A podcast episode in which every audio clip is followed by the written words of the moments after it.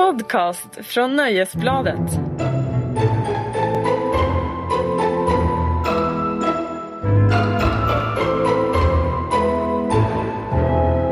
Hej och eh, välkomna till Tronspelet, eh, Nöjesbladets succépodd om Game of Thrones.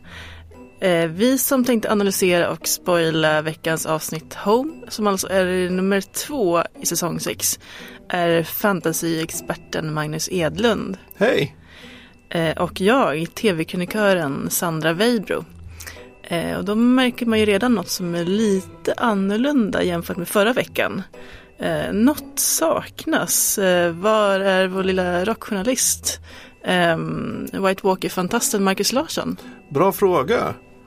Som jag fattar det sitter han just nu på ett flygplan på väg över Atlanten. Han har varit i New York på något sätt och typ recenserar Håkan Hellström eller något. Precis, han tyckte visst att Håkan Hellström var viktigare än Game of Thrones. Sjuk människa. Ja, bisarrt alltså. Men eh, jag kan ju trösta alla fantasyentusiaster med att jag har på goda uppgifter att han just sitter på planet och läser Neil Gaimans American Gods. Som är boktips för alla som inte har läst den redan. Och han kommer även vara tillbaka nästa vecka för er som saknar honom. Tryggt. Eh, exakt. Vi har ju fått väldigt många reaktioner eh, på den här podden. Eh, man märker att Game of Thrones är rätt populärt. Mm -hmm. eh, och den är så populär att den till och med har fått eh, påverkan på folks porrvanor, Magnus. Ja, det är ju ganska, jag vet inte om det är roligt eller bisarrt eller tragiskt eller vad det är. Men efter premiäravsnittet förra veckan så släppte sajten Pornhub eh, lite statistik som visade att när eh, premiäravsnittet sändes i USA så sjönk deras trafik med 4 procentenheter. Vilket kanske inte låter jättemycket men det är ändå 4 procentenheter av jätte, jättemycket folk som är på den, på den där sajten. Det är alltså jättemycket folk som porrsurfar helt enkelt. Jättemycket folk porrsurfar och en stor del av dem slutade porrsurfa när Game of Thrones eh, hade premiär. Ja, hur kan man analysera det här egentligen? Är det väldigt många Game of Thrones-fantaster även porrsurfare? Eh, ja, så är det säkert. Jag tror porrsurfarna finns i alla samhällsklasser och intressen. Eh, men eh, Game of Thrones-fansen kanske var de som bidrog till att efter sändningen, efter premiäravsnittet, så ökade sökningar på olika Game of Thrones relaterade sökord på den här porrsajten. Så ehm, ja, alltså det är ju tecken på att serien är sinnessjukt stor. Eh, om man säger så. Om du får någon att ta bort sina klibbiga fingrar från tangentbordet för att masa sig över sig till tv-soffan. Då krävs det rejäla grejer. Vi kanske ska gå vidare helt enkelt. Helt enkelt. Jag börjar bli, Vi lämnar jag, porren för den här gången.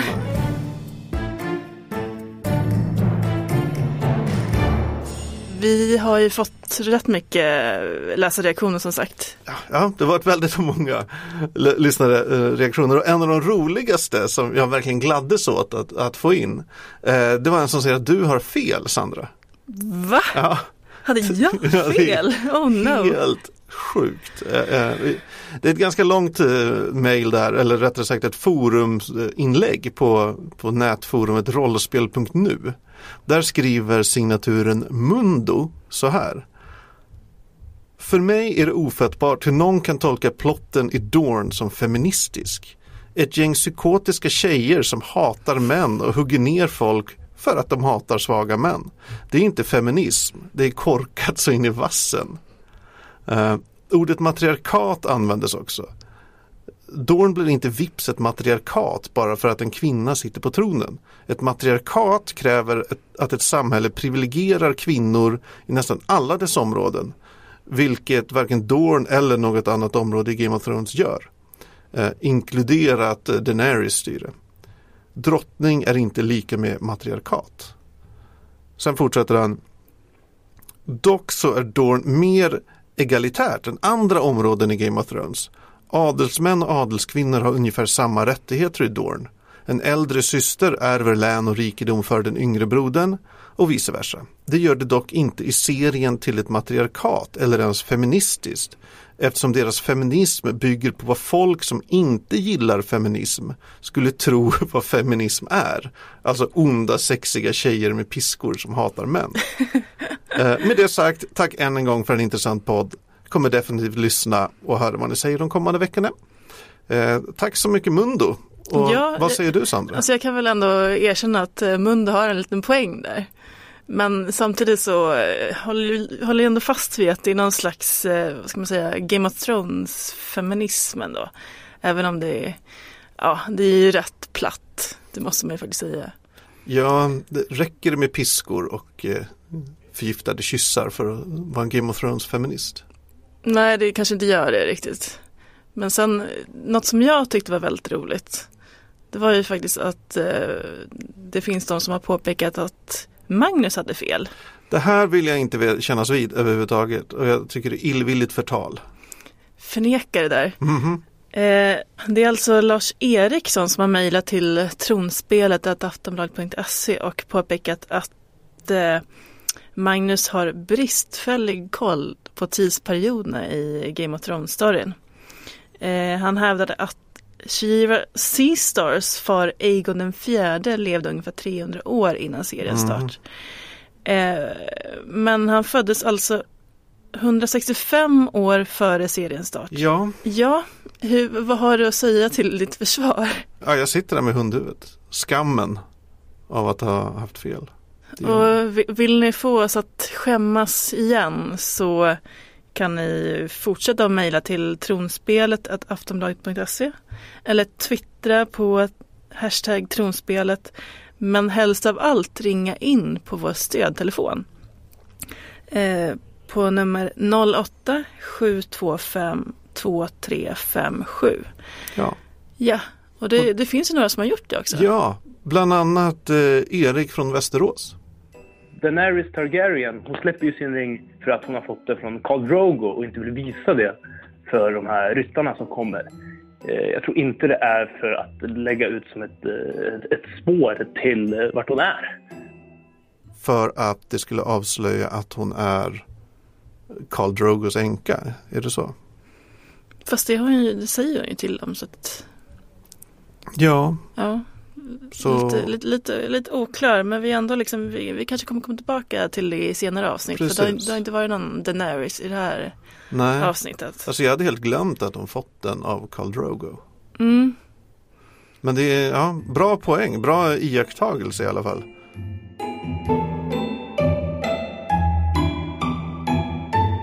Vi måste prata om Bran. Ja, äntligen är Bran tillbaka. Som vi Efter- har saknat den här li- lille, lille krypplingen. Ett års frånvaro. Precis. Och nu är han tillbaka. Vi, vi möter honom i, i den här trädgrottan tillsammans med eh, Three-Eyed Raven som är en ny figur som spelas av eh, Max von Sydow. Och de eh, ligger där tillsammans och eh, reser tillbaka i tiden. Eller de får i alla fall någon slags eh, vision Ja, om eh, en härlig tid, en lycklig tid i Winterfell. När eh, pappa Ned Stark och hans brorsa Benjen är barn och leker. Och man får även se syrran eh, Lyanna och det är väl första liksom, levande bilderna på henne. Vi, Ja. vi har ju sett henne som staty. Men... precis. Aldrig sett någon eh, henne i, i, i köttet så att säga.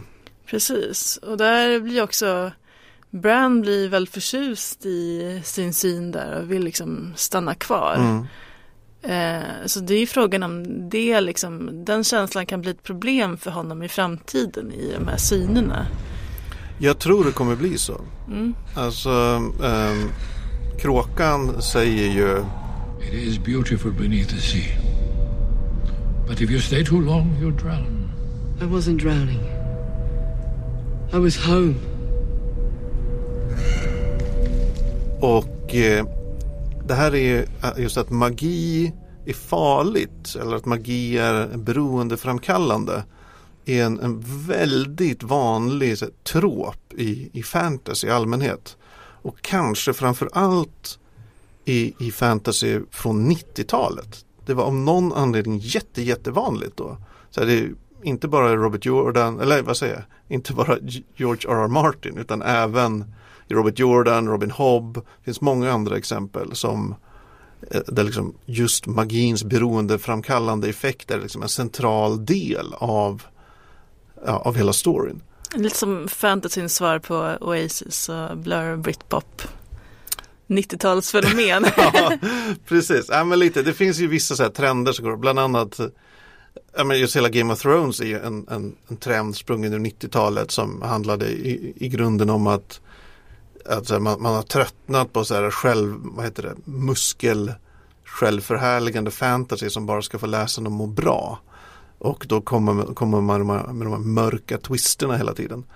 Um, äh, men det ska bli väldigt intressant att se hur, hur den här um, magin som Bran har kommer att arta sig.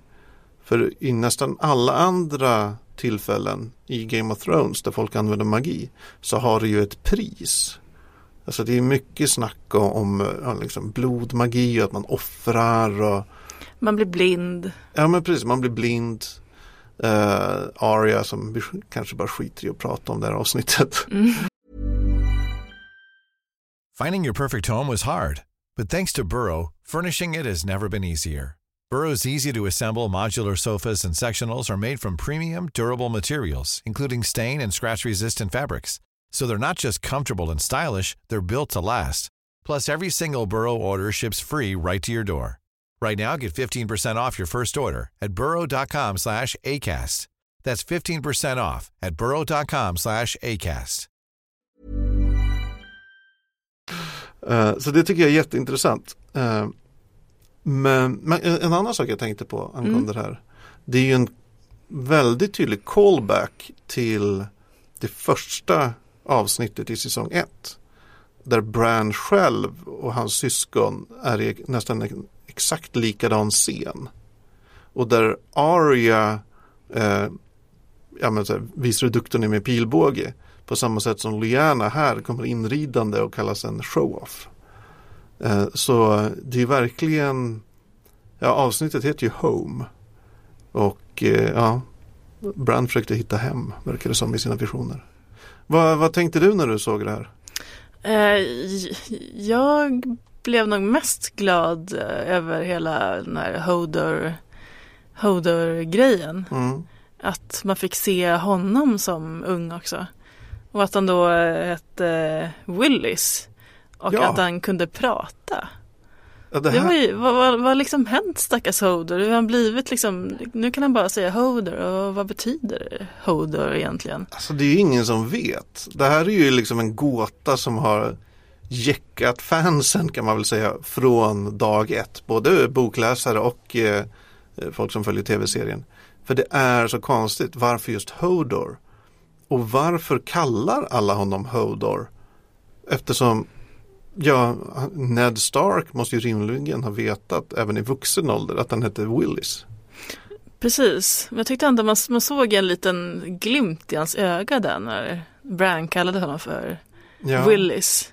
Så det kan, kanske kommer väckas kanske. upp igen. Det finns ju vissa teorier om att han på något sätt är eh, har stött på en sån där uh, White Walker eller någon sån där liksom, övernaturlighet och det har fått honom eh, stum så att säga eller gjort honom korkad. Sen funderade jag också över den där kvinnan som dyker upp och är någon slags orakel och pratar om att ja, vad är det, att det kommer bli krig och att de behöver liksom hjälpa Brand. Och, mm. vem, vem var det egentligen? Jag, vet, hon, jag tror det var hon man såg i slutet av säsong fyra när Bran och Hodor och, och, de, och, och gänget ta sig först, för första gången upp till det här gamla trädet. Och hon kastade eldbollar och lite saker. Jag, om, jag tror det är hon eller så är det liksom någon av hennes fränder så att säga. För man vet inte riktigt hur många av de här Children of the Forest Dance finns kvar där uppe i norr. Det är härligt att ha Bran och Hodor tillbaka ändå, ja. Jag, efter så lång tid. Verkligen. Välkomna. Ja, tack och hej.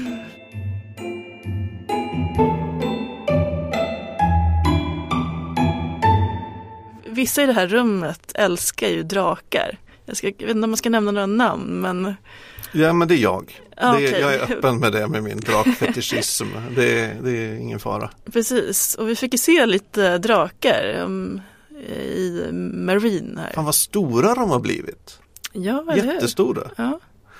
Uh, ja, det var ju Tyrion eh, som eh, resonerar så här. eh, drakar är smarta och eh, de vet vilka som är deras vänner. Ibland smartare än människor till och med. Ja, till och med.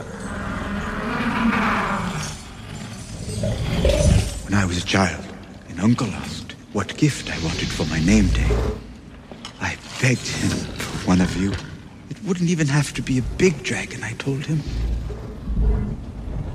It could be little, like me. Så därför jag, går jag ner till de här instängda jäkla monstren och hoppas på det bästa. Typ. Precis, sätter dem lösa. Hur, hur tyckte du, hur, hur kändes det som han resonerade där? Hängde du med på hans resonemang? Jag tyckte ändå det var lite fint. Det känns som, alltså, man, ser honom nu som någon slags eh, största drakvännen. Att om man håller dem fångna så blir de liksom deprimerad och så. Och de blir bara väldigt små drakar. Mm. Men man måste liksom släppa dem lösa för att de, de, de hatar fångenskap. Eh, så jag tyckte ändå det var lite fint. Det var någon slags djurrätts eh, tema där. Just det. Fast med drakar. Släpp drakarna lösa, det är vår. Uh, jag har stora förhoppningar på det här. Men eh, jag var lite besviken för det finns en, en eh, ganska intressant teori som vi var inne på lite tidigare om Tyrion. Mm. Att han skulle vara en, en, det här är en väldigt lös teori som det inte nästan finns några belägg för utan bara är så här konspirationsteorinivå på Ja, men då är det indicierna. bara, kör bara. Ja, så jag, jag, jag tycker det var en rolig grej att nämna. Det finns teorier på att Tyrion eh, är hälften Targaryen och alltså inte en, en hel Lannister. Ja, och, och det grundar sig egentligen på lite grejer från böckerna som är som sagt väldigt vaga och troligen bara på. Eh, men där finns det en, en kort episod som eh, antyder att eh, den galna kungen Aegon den femte som var den sista Targaryen-kungen och så Daenerys pappa. Att han på eh, Tywin Lannister och Tywins eh, frus bröllopsnatt, bröllopsnatt tog sig lite friheter. Eh, och teorin, man vet inte vad det betyder riktigt annat än det som jag just sa. Men teorin hävdar då att eh, att Tyrion är resultatet av de här friheterna som togs.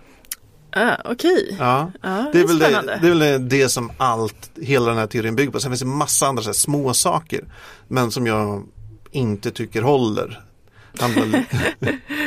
Nej men det är så vä- väldigt mycket typ, ja, om man letar efter ledtrådar i, i ett verk som, som Game of Thrones böckerna som är typ bara 9000 sidor nu så kan man hitta ledtrådar och pussla ihop själv.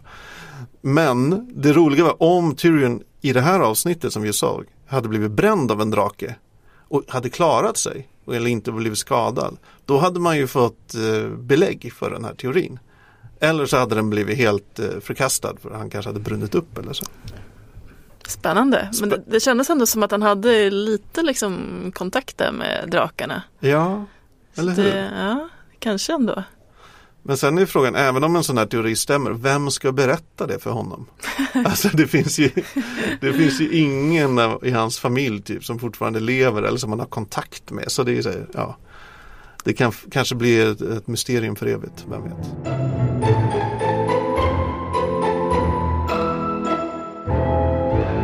Oj, oj. Alltså, jag vet inte. Orkar vi med Ramsey Bolton mer? Ehm, Det känns som att Alltså det, det, den här serien Game of Thrones Den har lite ett problem i att den måste överträffa sig själv i grymhet hela tiden i varje säsong.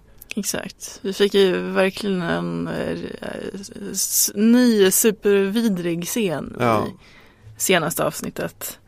Det här såg man ju komma från Alltså sa inte jag Verkligen. något om det här i förra avsnittet? Ja men alltså vi pratade ju om att hur han liksom har hur han har liksom provocerat sonen hur länge som helst. Ja. Alltså det kommer ju om man har en galning som son och så går man och liksom sticker den med nålar hela tiden och så här retas. Det är ju, Ja, precis. Det känns som att eh, den eh, liksom parenting-tekniken eh, misslyckades ju även Tywin Lannister med. ja.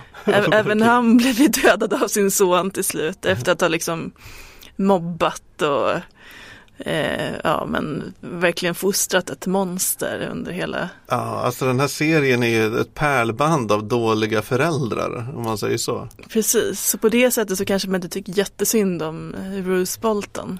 Nej, det enda var väl att man, man känner, man gillar ju honom mer än Ramsey. Ja, exakt. Det, Ah. det finns nivåer i helvetet. Men vi kan vara lite glada i alla fall att eh, Marcus Larsson hade fel i sin förutsägelse att, eh, att eh, Ramsey skulle sprätta upp Walda. Nej, han, han väntade i alla fall tills han hade fött ut ungen Ja. innan han mördade. Ja, jag, vet, jag vet inte om det är bättre eller sämre. Nej, eller, Man kan väl ändå säga att i, och- i och med Bruce Boltons död så var det, det var- lite av en, vad ska man säga, rubriken Gubbarnas tid är över Ja. har vi satt här Mm. också. Det- Eh, det det, var, det, var en, an, det var en annan gubbe som fick bita i gräset eller vad man säger. Precis, eh, Balon Greyjoy eller Baloo Greyjoy som någon råkade säga här tidigare. jag skulle gilla att om han heter Baloo Greyjoy. Nej, han blev ju dödad. Han gick ut på en regnig bro. Det ska man inte göra. Nej, vad fan. Det- Håll dig inomhus. Precis, det är halt och hemskt. Eh, men det verkar ju som att uh, namnet sades inte på, på den som mördade honom här men eh, man, vad var det han sa att uh, de kallade honom bror. Precis. Och jag antar då att det inte är i den afroamerikanska betydelsen av ordet. utan att de faktiskt är blodbröder, så samma föräldrar.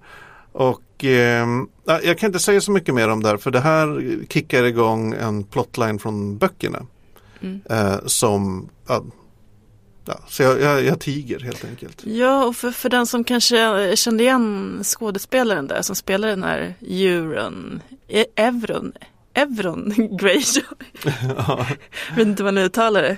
Om man ska, uttala, Euron, om man ska uttala det som man uttalar alltså, pengarna. Enron Greyjoy. Exakt. Eh, så är, är ju det danska skådisen Pilou Asbeck Jaha, vad har han varit med i? eh, i eh, Borgen. Den här Ah. härliga danska tv-serien om eh, så här, politiska, eh, ja, politiska draman i, Okej, i dansk politik. ja. Så från dansk politik till eh, Westeros politik. Precis, till någon slags psykotisk eh, bror. Han verkar, han verkar ju inte helt sansad. I am the storm. Exakt. Vem fan säger den så? Det var mycket så här, I am the, det var någon gud han var också. Ja, the drowned god. Ja, han verkar inte helt liksom på, folk som jämför sig själva med naturfenomen och gudomligheter, eh, de håller jag mig gärna borta ifrån. I allmänhet kan man väl säga. Mm, i, och- i och med den här Balous död så, så var det även en liten seger för Melisandre kan man säga. Just det. Eller, För att hon, nej men hon, det var inte hon som eh, eh, genom någon slags magi liksom sk- skulle döda tre kungar. Just det, de hade blodiglar och grejer. Precis. Kungablod. Och det var Rob Stark och Joffrey Baratheon. De Mm. är ju döda redan. Så det här var den tredje Baloo. Så Bara- nu- kan inte kalla honom Nej, jag Baloo. vet. Han är död, visa lite respekt. Förlåt Magnus.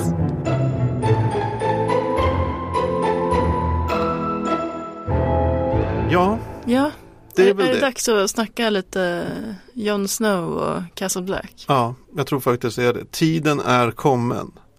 Ja, hur död är Jon Snow egentligen? Tystnad. Tystnad. ja, precis. Inte, inte jättedöd, eller liksom han är död men inte död ändå. Han har öppnat ögonen och tagit ett andetag. Precis. Och hans varg Ghost tittade upp precis innan han gjorde det. Ja, det var ett fint ögonblick. Ja, jag gillar ju Ghost. Ja. Ja, om man vill gosa med den voven. Mm. Ja. Alltså när, när Thoros of Myr, min Mm. favorit som jag återkommer till väldigt ofta, äh, återuppväckte Beric Dondarrion. Eh, vilket han gjorde då sex gånger kanske. Så säger ju Beric att varje gång han kommer tillbaks så känner han sig förminskad. Vad nu det innebär. Så kommer Snow också tillbaks som, alltså blir han en, en lite sämre version av sig själv eller en, en svagare version av sig själv. Eller vad, det, det kan vi bara spekulera om. Precis, eller var det liksom var det, det här han behövde? Behövde han dö en gång för att för att kunna liksom komma tillbaka och verkligen fejsa de här odöda? Ja, Att han väl- hamnar lite mer på deras nivå som också någon slags Också någon som har lekt med liv och död. Ja, så kan det ju vara. Om inte annat så är det ju verkligen en klassisk så här, Messias berättelse som tar sin början. Kan det vara. Det kan det vara. Ja.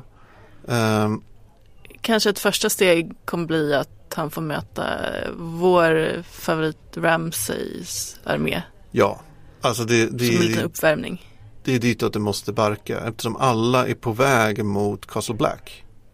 Uh, Sansa och Company är på väg dit. Ramsey kommer ju dra dit. Ehm, så vi får väl se. Ja, och de där, eh, de här Castle Black eh, soldaterna, vad heter de nu igen?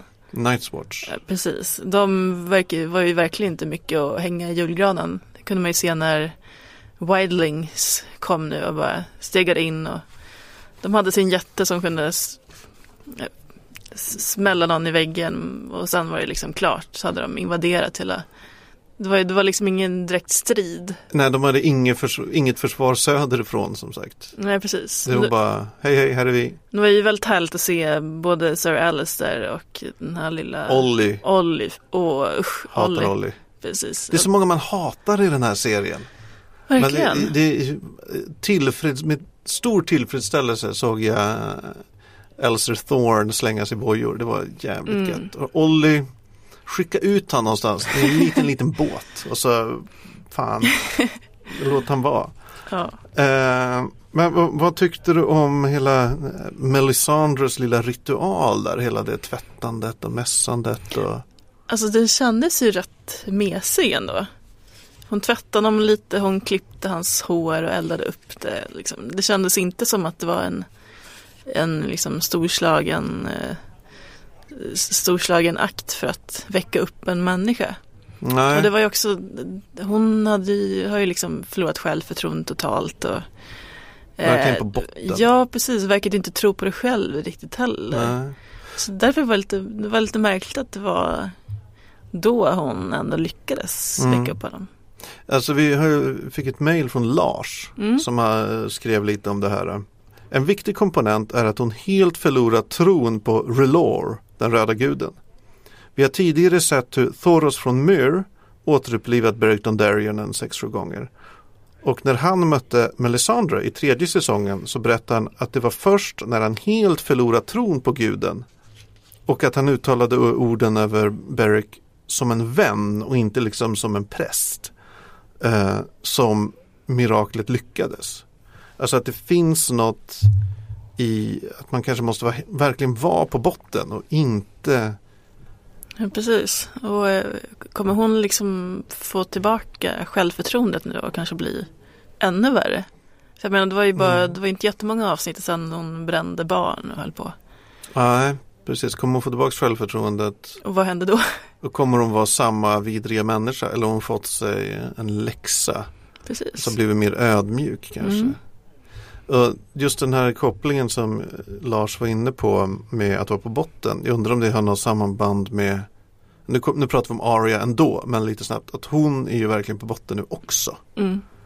Att är, man måste dit och vända för att kunna uppta sig de högre mysterierna kanske. Jag, det är svårt att säga. Mm. Men det är en jävligt intressant tanke, det tycker jag. Precis, någon slags här, eh, ungefär som det är för knarkare också. Att det är först när de är på botten som de kan inse att de har ett problem Ja, och söka hjälp. precis. Men här är de, de inser att de har ett problem. Sen kan de återuppväcka de döda. Precis. Uh, ett, ett helt uh, ny innebörd till det att man blir eh, liksom nyfrälst och så. Exakt. Ja, det är oer, alltså det här, vad tyckte du om avsnittet i stort? Jag tyckte det var rätt fantastiskt faktiskt. Mhm. Det, var, det var många liksom, spännande, spännande storybågar som fick liksom någon slags Ja men det börjar hända Ja precis, det, det blir lite fart i det. Det känns som att ja, men alla de här olika spelpjäserna börjar liksom formeras på något Ja. sätt. Ja, men vad fasen, ni där ute som lyssnar kan ju fortsätta mejla oss på tronspelet aftonbladet.se och så kan man twittra eller instagramma till hashtag tronspelet och viktigast av allt ringa till vår stödtelefon 08 725 23 57 Ja, ring nu. omedelbart.